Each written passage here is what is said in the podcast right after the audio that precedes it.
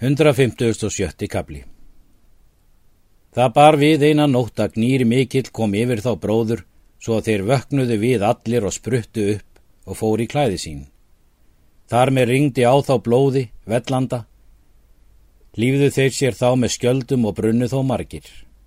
Undur þetta helst allt til dags. Maður hafði látist að hverju skipi. Sváu þeir þá um daginn. Aðra nótt var enn gnýr og spruttu þá enn allir upp. Þá rendu sverð úr slíðrum en öksar og spjót flug í loft upp og börðust. Sóttu þá vopnin svo fast að þeim að þeir urða að hlýfa sér og urðu þó margir sárir en dó maður að hverju skipi. Hjelst undur þetta allt til dags. Sváu þeir þá ennum daginn eftir. Þriðju nótt var gnýr með sama hætti. Þá flugu að þeim hrafnar og síndist þeim úr járni nefin og klærnar. Hrafnarnir sóttu þá svo fast að þeir urða verja sig með sverðum en hlýfðu sér með skjöldum. Gekk þessu enn til dags. Þá hafði enn látist maður að hverju skipi. Þeir sváu þó enn fyrst. En er bróðir vaknaði varpan mæðilega öndunni og bað skjóta utan báti því að ég vil finna ósbakk. Steg hann þá í bátinn og nokkru menn með honum.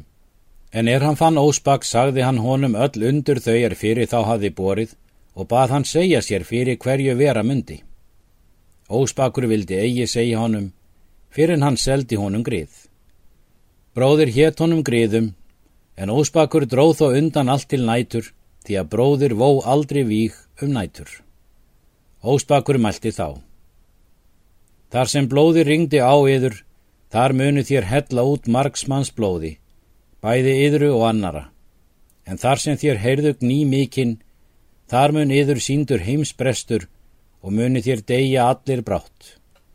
En þar er vopnin sóttu að yður, það mun vera fyrir orustu. En þar sem hrafnar sóttu að yður, það eru óvinnir þeir, er þér trúið á og yður munu draga til helvítis kvala. Bróðir var svo reyður, hann mátti engu svara og fór þegar til manna sinna og let þekja sundið allt með skipum og bera strengja á land og ætlaði að drepa þá alla eftir um morgunin. Ósbakur sá ráðagerð þeirra alla.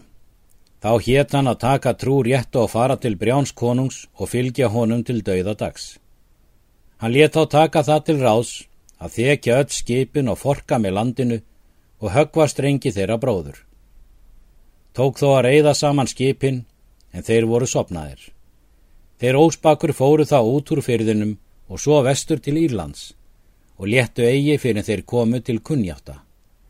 Og saði ósbakur brjáni konungi alltaf er hann var vís orðin og tók skýrn og falsi konungi á hendi.